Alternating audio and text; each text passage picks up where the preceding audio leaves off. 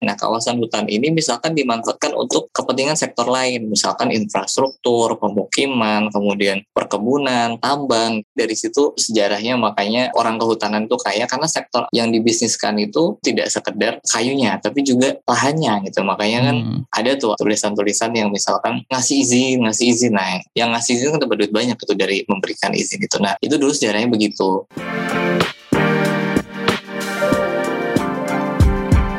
Hai sahabat TCID, kalian sedang mendengarkan podcast Suara Akademia, ngobrol seru isu terkini bareng akademisi. Pada episode ini, kami ngobrol dengan Andita Aulia Pratama, peneliti kehutanan di Universitas Gajah Mada tentang realitas deforestasi dan kondisi hutan di Indonesia, dari sejarah pembukaan lahan hutan untuk investasi di Indonesia hingga pemanfaatan hasil hutan dan pembangunan nasional yang belum berkeadilan terhadap lingkungan dan masyarakat lokal.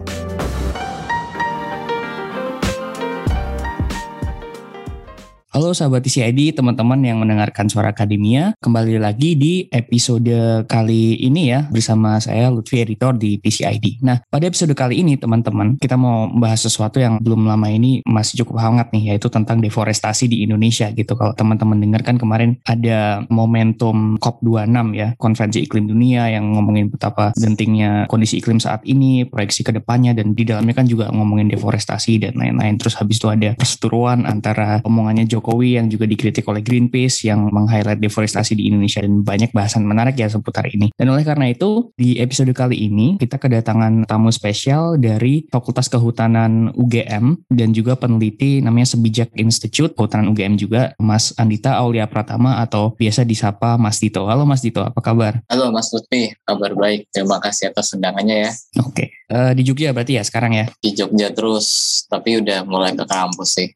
Oke, Mas sebelum aku mau nanyain tentang deforestasi dan hutan di Indonesia, aku mau tanya itu kalau kehutanan UGM tuh ya cukup familiar ya. Kalau Sebijak Institute ini biasanya bergerak di bidang apa mas yang diteliti itu kayak gimana? Oke, jadi Sebijak Institute ini sebenarnya umurnya relatif baru ya. Kita baru hmm. 2019 akhir gitu dan 2020 kemarin tuh kita cukup ramai banyak kajian-kajian gitu ya. Kajiannya di bidang lingkungan, kehutanan dan topik-topiknya biasanya tata kelola kehutanan. Jadi yang kebijakan seperti itu. Oke, berarti cocok ya kalau mau ngomongin deforestasi di Indonesia. Ah, ya. Semoga cocok ya. Oke, okay. Mas Dito, kemarin kan selain ada momentum akhir Oktober sampai awal, awal November itu kan ada yang konferensi iklim dunia COP26 di Glasgow ya, di mana pemimpin dunia kan kumpul bersama ngomongin progres iklim dan lain-lain gitu. Nah, salah satunya juga Indonesia gitu. Waktu itu kan Jokowi kalau nggak salah dalam pidatonya dia bilang bahwa deforestasi di Indonesia itu mencapai titik terendah gitu dalam 20 uh, eh, tahun. Kemudian dibantah oleh beberapa organisasi, salah satunya adalah Green Greenpeace yang mengatakan bahwa enggak kok gitu. Deforestasi itu mengalami kenaikan gitu sebelum moratorium, setelah moratorium gitu dalam 10-20 tahun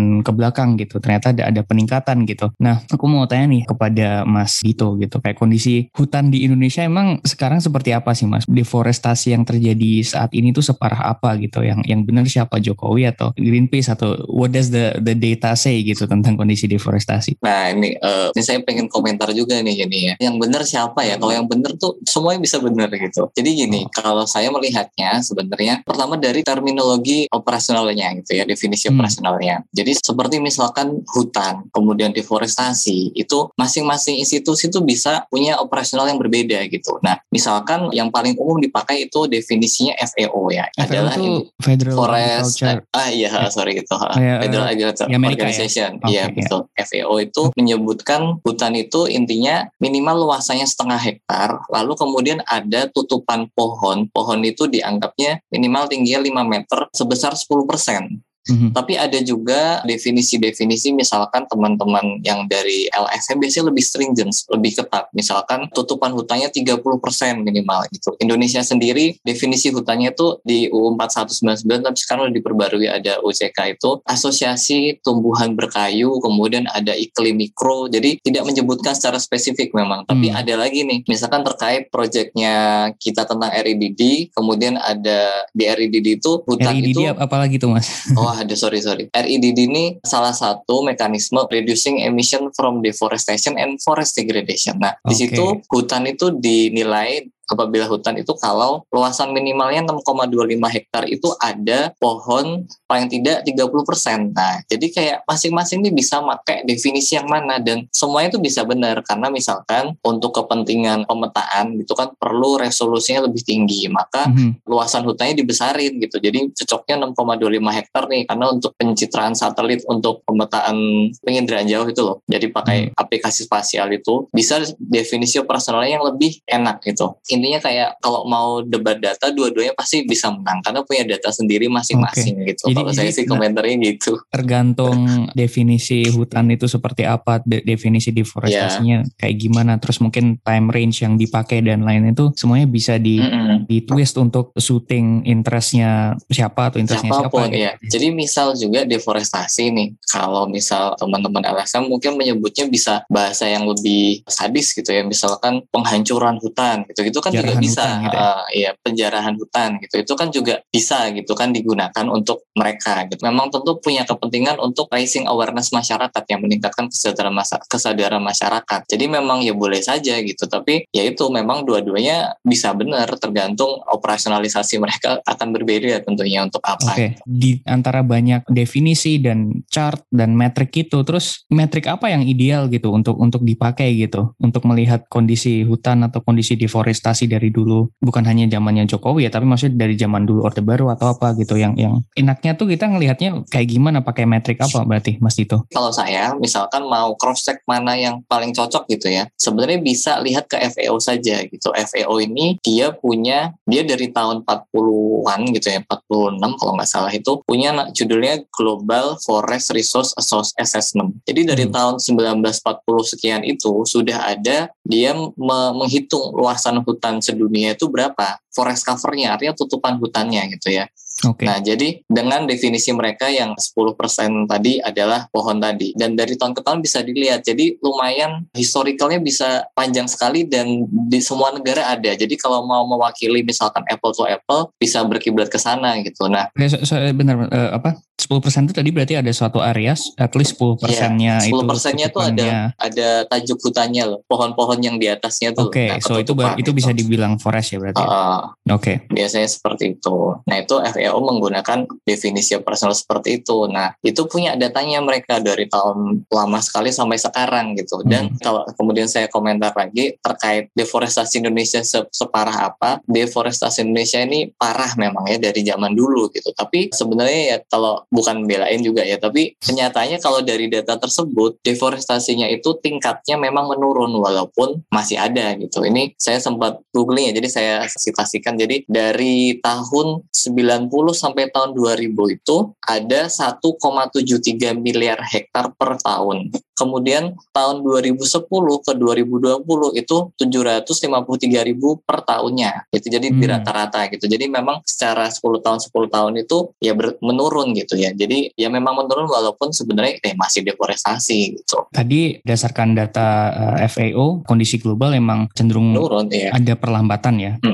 Deforestasi karena ya makin aware terus aturannya seiring tahun pasti makin ketat kesadaran masyarakat tentang kondisi hutan dan kondisi iklim juga semakin meningkat meningkat jadi nge-pressure pemerintah dan lain-lain gitu. Tapi tadi Mas Mas Dito bilang bahwa uh, masih parah gitu ya kondisi hutan di Indonesia. Maksudnya gimana Mas? Kok masih parah itu sebagai gambaran apa yang masih terjadi? Indonesia sendiri misalkan penyebab-penyebab deforestasi ini berasal dari misalkan zaman dulu ada yang namanya illegal logging pembalakan liar gitu ya. Hmm. Kemudian alih fungsi lahan itu memang ada. Yang masih ada sampai sekarang ya? Iya, itu dulu, kan tapi masih ada sampai Iya, ini masih ada gitu ya dan misalkan kita naik pesawat lewat di atas Kalimantan, kita memang banyak tuh lihat lubang-lubang bekas tambang juga. Sekarang bahkan ada ibu kota negara mau dibangun di atas kawasan hutan ya status kawasannya gitu. Itu memang ada ya kenyataannya memang deforestasi itu ada gitu. Dan nampaknya sih sebenarnya memang juga karena uh, media teknologinya sekarang untuk memviralkan sesuatu juga lebih cepat gitu. Dan sebenarnya dulu-dulu tuh juga udah masif itu. Jadi kayak misal zaman 90-an sebelum 90-an itu sektor kehutanan tuh sangat maju gitu ya. Kita nebang kayu tuh sangat masif gitu. Nah itu udah rusak dari zaman itu gitu. Dan sekarang mungkin baru mulai ke foto nih ada yang ini dan mungkin lebih makin terekspos gitu loh, makin banyak. Ya dari dulu memang ya udah ada sih kalau saya sih melihatnya seperti itu dan ada misalkan beberapa kebijakan yang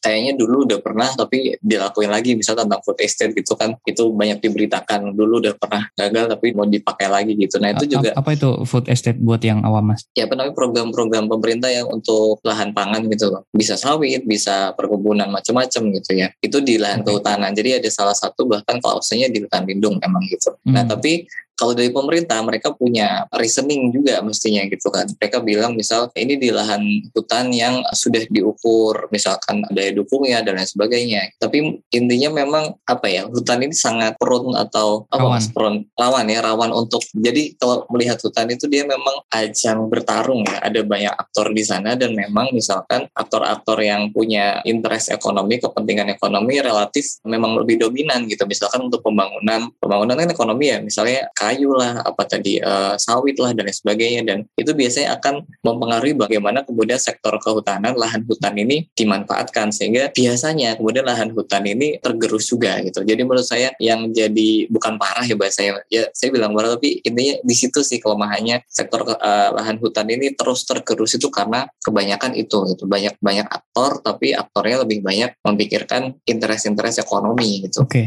Nah, aku mau explore yang aspek ekonominya nih Mas kan dari ada seperti yang Mas Dito bilang ya, ada ada elemen permintaan pasar untuk mengeksploit hutan gitu kan dari dulu gitu. Bisa digambarin nggak Mas? Maksudnya yang dari dulu ini seperti apa gitu? Apa investasi lah atau penggarapan bisnis di lahan hutan dan lain-lain dari dulu sampai sekarang itu berkembangnya seperti apa bisnisnya dan eksploitasi hutan di Indonesia? Nah, ini sebenarnya juga menarik ya. Kalau saya melihat tuh kadang di yang mengurusi kehutanan yang di Indonesia ini kadang juga menurut saya kurang ideal gitu. Jadi bisa dibayangkan ya, dulu ceritanya tuh di tahun 60 itu kan ada undang-undang agraria ya. Undang agraria okay. dia tuh harusnya mengurusi semua daratan Indonesia dan misalkan sektor kehutanan itu ada di bawahnya. Tapi kenyataannya kehutanan itu dia punya peraturan sendiri judulnya Undang-Undang Dasar Kehutanan nomor 5 tahun 67 gitu ya. Gimana hmm, itu malah contesting dengan seharusnya yang di atasnya ya agraria. Jadi menariknya dia harusnya itu nah, harusnya ngurusin hutan jadi, aja. Jadi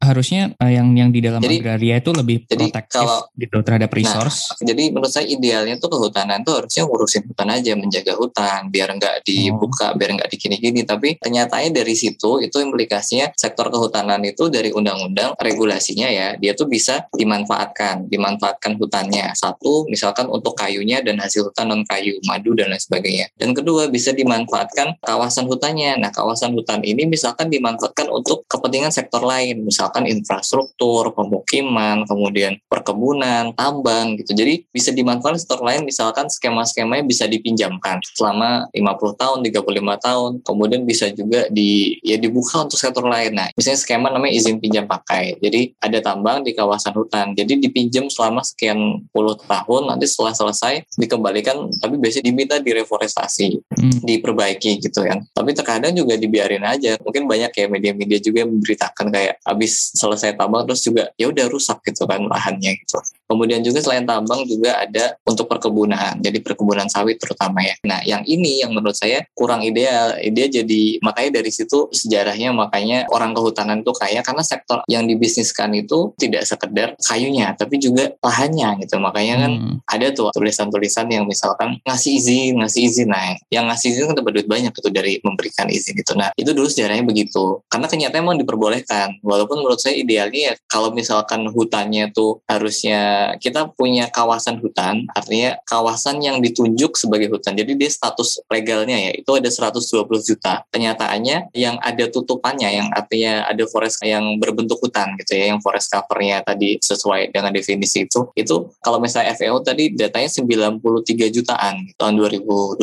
Jadi tidak semuanya gitu yang 120 juta ini berhutan ya karena itu karena ada yang dipinjemin, ada yang dikasih buat sektor lain gitu. Jadi itu sih kalau saya sih kadang melihat melihatnya mungkin idealnya tuh kalau mau ngurusin hutan ya ngurusin hutan aja. Misalnya ngurusin satwanya ngurusin tata airnya dan lain sebagainya gitu. Aku uh, mau coba clarify ya maksudnya gimana. Berarti di Indonesia itu kan hutannya lumayan banyak gitu kan jutaan hektar yang tadi banyak, Mas. Uh, Dito bilang gitu. Cuman idealnya adalah kalau dalam manajemen hutan kayak gitu tuh diatur gitu kan. Misalnya yang kawasan yang hutan yang harusnya dilindungi itu ada aturan yang melindunginya. Lalu ada sedikit porsi dari hutan di Indonesia yang, yang bisa dibisniskan tapi peraturan yang ketat gitu tapi ada ada pemisahan yang jelas gitu tapi sementara sejauh ini itu berdasarkan UU pokok kehutanan nomor 5 yang 1967 yeah. Mas Dito bilang tadi itu semuanya diperlakukan seakan-akan semua bisa dibisniskan gitu kah berarti maksudnya? Ya tentu tidak se ekstrim itu ya tapi kenyataannya dibuka gitu ya pintu-pintu untuk memanfaatkan kawasan hutan untuk itu padahal kan ya hutan itu ya fungsinya itu kan beragam ya memang ya dia bisa yeah. dari kayunya jasa lingkungannya penyangga kehidupannya gitu. Jadi harusnya lebih dipikirkan itunya ketimbang misalkan sekedar untuk mendapatkan insentif ekonomi untuk pembangunan nasional tadi misalkan seperti itu. Dan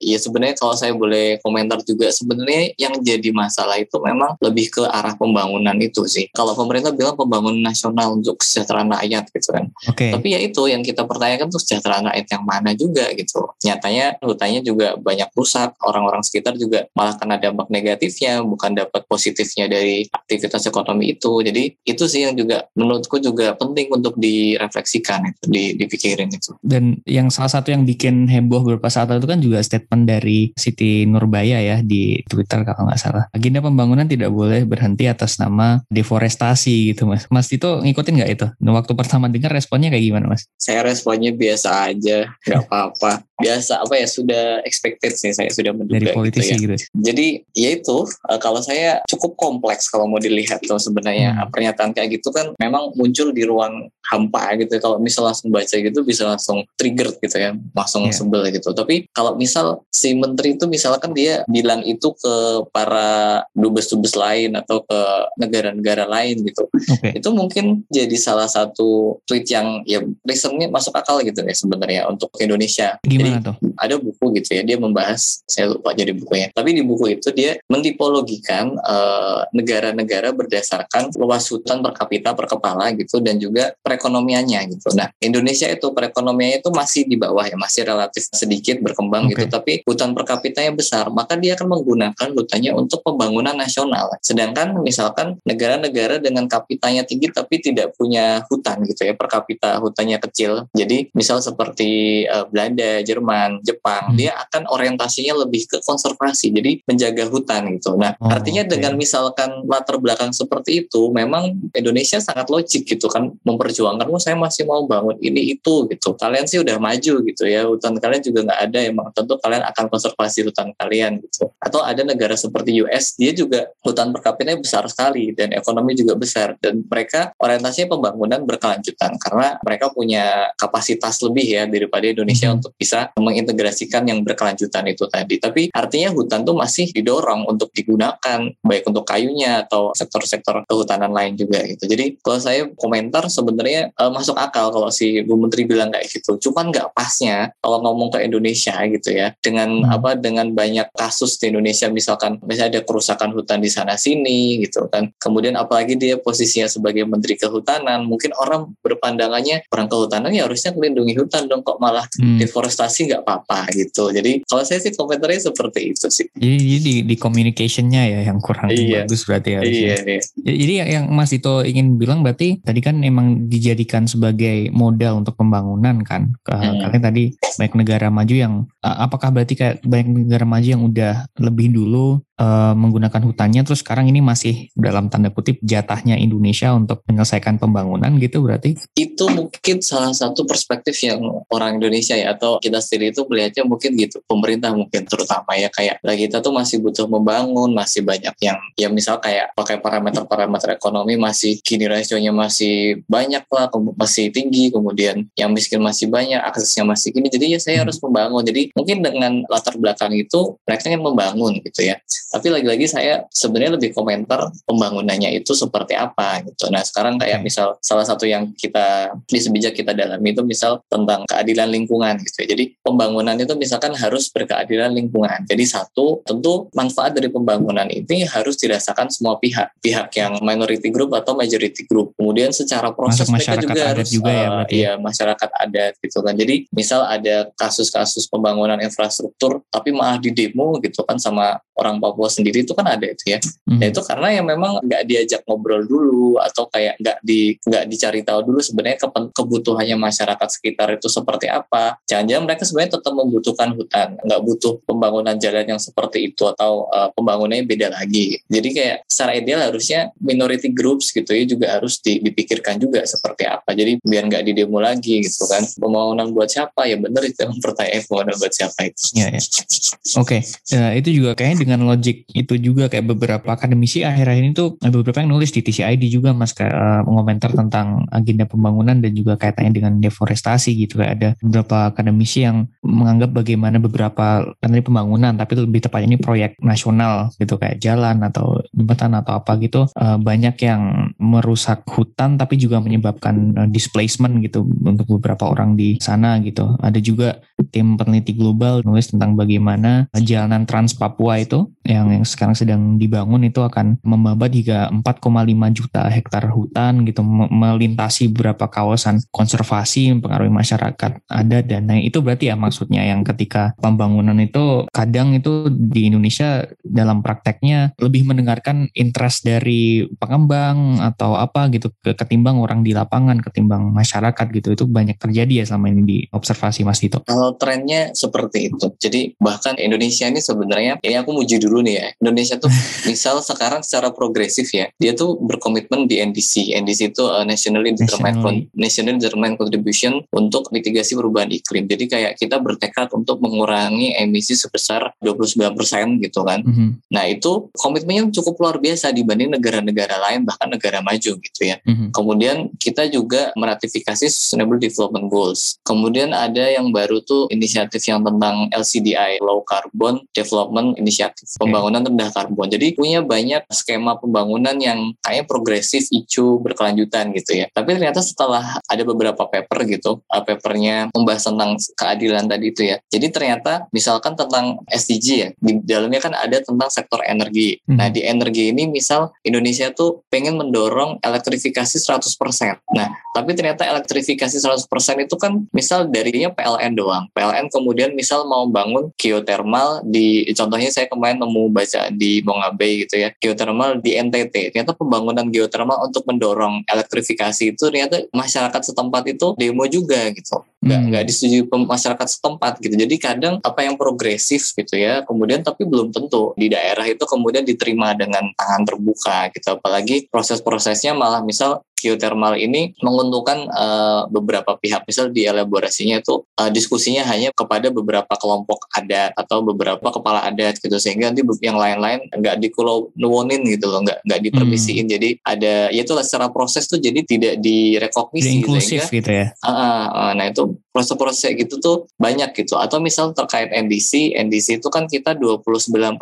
Terus 29% uh, apa nih? Mengurangi emisi sebesar segitu. Okay. Tapi target sebesar itu tuh misalnya apakah sudah didiskusikan secara komprehensif ke daerah-daerah misalnya di Kalimantan kemudian di Papua misal atau di daerah-daerah yang berhutan yang banyak itu masyarakat misalnya masyarakat kecil nih ya ada yang pengen menggunakan hutan untuk kepentingannya subsisten atau kepentingan sehari-hari ya untuk hidup lah gitu tapi kan tentu mereka akan ada sedikit deforestasi gitu ya kemudian karena harus mengurangi emisi sebesar itu mereka nggak diperbolehin jadi bolehnya itu kalau mau menggunakan hutan harus masuk masuk yang skema-skema yang NDC tadi. Misalnya ada Indonesia tuh kita punya skema lain namanya perhutanan sosial. Mm-hmm. Harus kayak gitu. Jadi intinya banyak, uh, ini saya, saya mau bilang intinya banyak sekali skema-skema progresif tapi menutup pintu-pintu inisiatif-inisiatif dari lokal atau kurang merekognisi apa yang kemudian diminta oleh lokal. Dan contoh-contohnya itu tadi ada demo, kemudian membangun ini ternyata nggak semua yang setuju. Nah itu contoh-contohnya injustice-nya tuh di situ.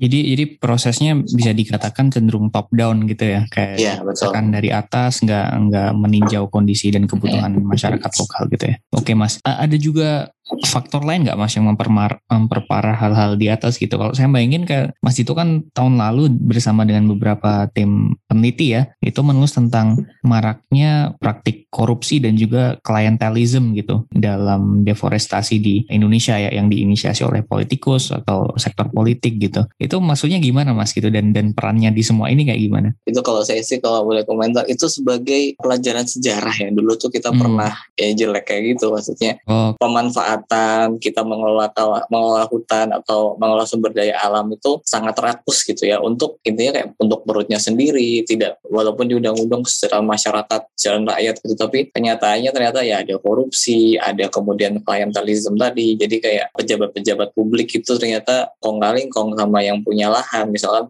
pejabat-pejabat daerah. Jadi akhirnya yang yang kaya tuh sedikit, eh, yang kaya tuh hanya segelintir orang. Hmm. Misal di zaman ya pokoknya tahun 80 sampai 90-an itu kita tuh punya hutan produksi. Hutan produksi itu hutan yang memang difungsikan untuk memproduksi kayu. Itu 59 juta hektar gitu kan. Kemudian sekitar ada 40 jutaan hektarnya itu dimiliki hanya 15 kelompok gitu. Artinya kan oh. didominasi sama kelompok itu gitu. Sedangkan grup bisnis gitu ya. Iya, betul betul. Jadi kayak hanya segelintir kelompok yang menguasai itu gitu. Artinya ada dominasi dan akhirnya yang kaya ya itu-itu aja dan apalagi kalau misalkan untuk kepentingan pembangunan nasional gitu. Tapi kenyataannya misal yang di dikeruk kayunya, dikeruk uh, hasil hutannya di situ harusnya misalkan kayak Kalimantan yang punya uh, hutannya banyak gitu ya atau Papua yang hutannya juga banyak tapi kenyataannya mereka malah salah satu yang daerah yang relatif less developed dibanding misalkan hmm. di Jawa gitu kan oke okay, oke okay. okay. itu yang yang berbagai praktek yang itu tapi masih terlihat polanya nggak di di era sekarang gitu atau itu hanya pelajaran sejarah aja maksudnya Nah itu dia pelajaran sejarah tapi kayaknya ngefans sama pelajarannya diulangi lagi apa gimana nggak tahu saya. Jadi iya sih uh, sebenarnya saya juga lihatnya dua sisi ya tetap kan gitu. Tapi sekarang saya nggak tahu nih pemerintahan Indonesia atau oknum-oknum Indonesia yang megang di pemerintahan ini kan relatif menurut saya udah jauh lebih progresif ya. Jadi kayak misal tadi ada banyak kebijakan-kebijakan progresif yang adopt dari luar negeri atau bahkan secara transparansi juga sekarang lumayan lah ya. Bahkan sekarang banyak LSM gitu-gitu ya, banyak NGO yang juga jadi pengawas pemerintah juga gitu. Jadi saya sih lihatnya harusnya lebih baik gitu walaupun nggak tahu yang baik itu apakah hanya bungkusnya dalamnya seperti apa. Tapi ya memang kelihatannya gitu sih ya. Udah ada effortnya tapi memang kalau dilihat kayaknya masih kurang ya oh okay. mungkin ini saya mungkin ada cerita sedikit nih jadi ada salah satu paper yang kami tulis ya itu jadi misal di di Papua nih di Papua ini ada judulnya Conservation District atau Kabupaten Konservasi arahnya kan sebenarnya mau membangun hijau ya pembangunan hijau jadi harus berbasis kearifan lokal kemudian harus didasarkan pada nilai-nilai konservasi gitu dan itu didukung oleh banyak pihak LSM juga donaturnya juga banyak gitu. Bangun apa Tapi, tuh? Bangun itu bangun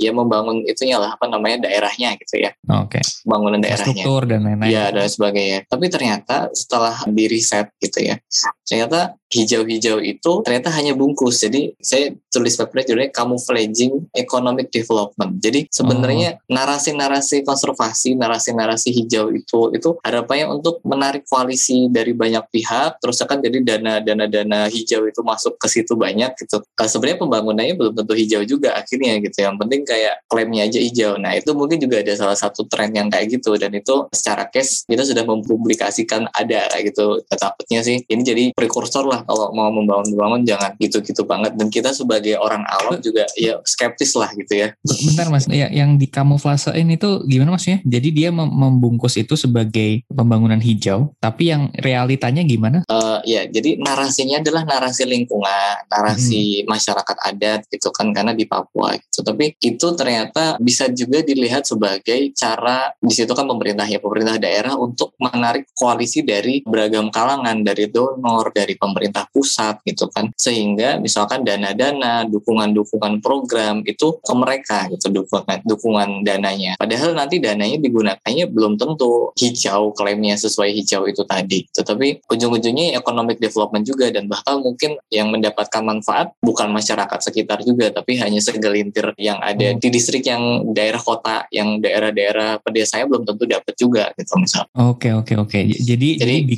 mungkin big picture-nya gini kali ya kayak banyak ya entah karena perkembangan zaman, kesadaran iklim, aturan jadi lebih robust dan lain-lain itu deforestasi semakin melambat karena juga kebijakannya sekarang jadi semakin progresif gitu. Banyak skema yang mengarah ke pembangunan berkelanjutan dan konservasi dan lain-lain gitu. Cuman masih ada vested economic interest ya ternyata yang bermain masih ada wiggle room masih ada ruang buat mereka.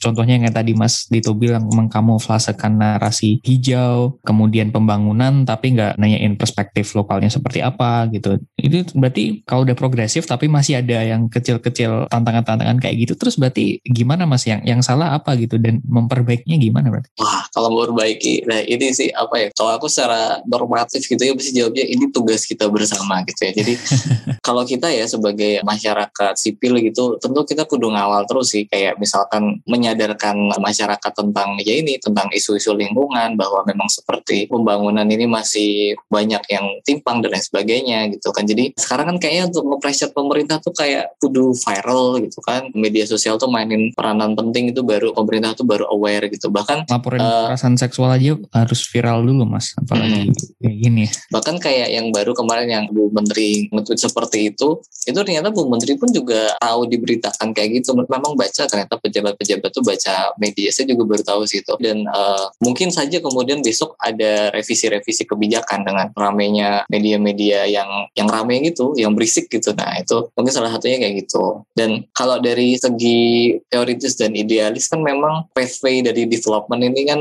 secara radikal itu bisa kalau misalkan mau zero deforestation ya harus post growth, jangan bangun lagi. Itu radikalnya gitu kan. Oh, Tapi kalau gitu ya istilahnya. Uh, uh, di growth itu uh, berhenti jangan udah nggak usah misalkan kayak sektor-sektor kayak mobil gitu-gitu yang mobil BBM kemudian fashion fast fashion gitu itu harus berhenti udah nggak usah lagi gitu. Itu radikalnya gitu ya ekstrimnya. Tapi kalau mungkin agak halus sebenarnya yaitu kita tetap mengawal gitu ya agenda-agenda pembangunan inisiatif yang tanda kutip progresif tadi LCDI pembangunan rendah karbon gitu ya kemudian tentang komitmen Indonesia. Jadi dikawal terus dikawalnya adalah dengan kita mengkritisi. Misalkan dari segi implementasi udah sesuai dengan apa yang mereka bilang belum gitu. Atau malah kita mem mempertanyakan beneran kamu mau komitmen sebesar itu? Atau kita bisa membahas tentang pembangunan yang berkeadilan kita suarakan terus itu jadi ya mungkin itu sih pendekatannya. Mungkin yang paling ideal yang kedua tadi ya yang lebih enak gitu ya. Kalau berhenti banget itu susah mungkin ya. Mungkin pertanyaan terakhirku adalah ini kan kemarin momentum COP ya COP 26 gitu di mana dibahas banyak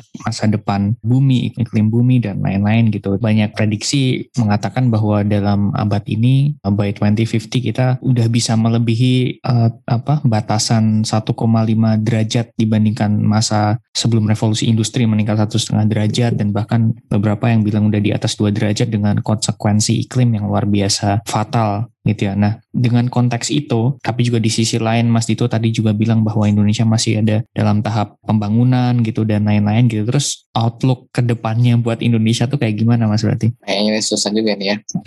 Outlooknya maksudnya eh, apakah berarti Indonesia ya udahlah membangun aja karena sudah jatahnya terus yang lebih banyak janji iklimnya adalah negara maju gitu untuk mempertahankan di bawah satu setengah derajat karena mereka emiten terbesar gitu atau yang harus kita ekspektasikan ke depan ini seperti apa oh, terkait, ya. terutama oh, terkait okay, deforestasinya okay, juga sih gitu. Oke, okay, makanya sudah tambah elaborasi. Nah, kalau aku lihatnya emang susah ya. Jadi gini, kayak tentang climate change ini kan pasti orang bilang ini kita harus immediate action nih yang ekstrim gitu. Gimana hmm. itu siapa pun tuh nggak ada yang bisa gitu ya. Negara maju selevel US pun mungkin ya tetap komitmennya mereka menghitung juga di dalamnya konstelasi kebutuhannya seperti apa gitu. Jadi saya jadi ngerasa kayak kita tuh udah bakal siap-siap aja lah gitu ya makin makin ke sini tuh makin parah gitu. Tapi mungkin untuk memperlambat ya misalkan climate change dan lain sebagainya sambil kita menemukan invention di sisi teknologi atau breakthrough lain gitu. Jadi bersama-sama jadi emang kalau untuk perubahan iklim yang isu-isu lingkungan secara global ini pasti emang biasanya judulnya kapan but differentiated responsibility-nya. Jadi semua tuh harus punya komitmen terkait perubahan iklim gitu ya. Jadi semua harus bersumbang sih harus kontribusi dan kontribusinya harus maksimal gitu ya. Dengan didasarkan tadi ada baseline baseline-nya juga pemerintah di masing-masing negara itu. Karena itu kan jadinya different different gitu harus berbeda. Jadi misal kayak macam-macam ya. Kalau misalkan mau diajak debat misal negara-negara maju tuh kamu udah beremisi lebih banyak secara historis bertahun-tahun gitu. Kita baru sekarang-sekarang misalkan gitu. Jadi kayak kamu harusnya lebih banyak gitu. Bisa itu dinegosiasikan jadi mereka lebih banyak tuh untuk pembangunannya mungkin lebih dipres jadi tidak. Mereka udah maju gitu loh mau bangun apa lagi misalkan. Hmm. tapi di Indonesia tetap kita misalkan tetap hidup ya? uh, kita berperan dengan misalkan yaitu menjaga deforestasinya juga nggak parah kebakarannya juga jangan ada kalau bisa gitu kan. Kita kan mungkin mungkin kebakarannya yang biasanya banyak kontribusi karbon itu. Jadi kalau bisa ya minimalisir banget lah gitu. Kalau Tapi ya itu uh, kelanjutan dan melindungi nah. masyarakat nah, pesisir yang justru terdampak kenaikan. Nah itu jadi kayak oke okay gitu. lah pembangunannya dengan catatan nih coba yang berkeadilan, coba sama kalau konteksnya perubahan iklim kan kita bekerja sama ya. Jadi misal yang maju membantu yang berkembang atau yang masih belum berkembang juga. Jadi misalkan Indonesia ini berkomitmen hingga 41% pengurangan emisinya kalau hmm. mereka dibantu oleh negara-negara lain, ada pendanaan dari luar gitu. Jadi misal dibantu secara pendanaan atau kemudian dibantu secara teknologi untuk misal membangun energi yang berkelanjutan gitu ya atau untuk insentif-insentif pengelolaan hutan yang berkelanjutan. Nah, itu bisa gitu. Jadi ya mungkin itu harus kerjasama bareng-bareng tapi didasarkan juga lihat kondisi masing-masing negara. Kalau pembangunan itu harus berkeadilan lingkungan juga, tidak bisa sekedar climate change misalnya tapi yang ngambil keputusan hanya orang-orang yang ada di atas gitu yang mereka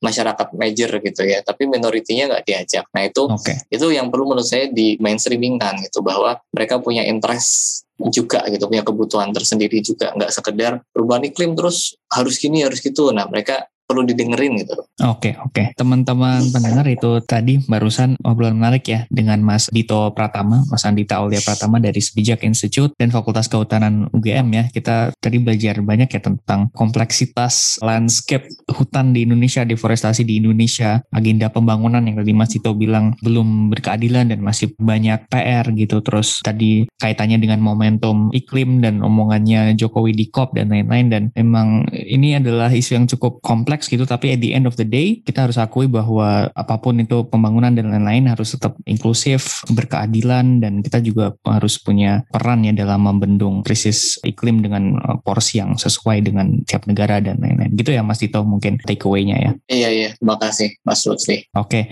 teman-teman itu dulu untuk episode kali ini. Kalian bisa follow Sebijak Institute dan Kehutanan Sebijak oh, Institute itu ada IG-nya ya? Ada IG-nya. Monggo monggo follow. Kita sering banyak ada event-event event jadi kayak ada uh, baik webinar akademik atau uh, yang populer gitu jadi senang banget kalau bisa di pada join juga ke kita join acara-acara kita gitu ya dari Spijak Institute dan juga jangan lupa juga uh, follow dan nantikan konten-konten dari The Conversation Indonesia di website, di Instagram, di Twitter dan dan di podcast ya. Itu dulu mungkin dari saya. Makasih teman-teman, sampai jumpa. Kalian telah mendengarkan podcast Suara Akademia, ngobrol seru isu terkini bareng akademisi.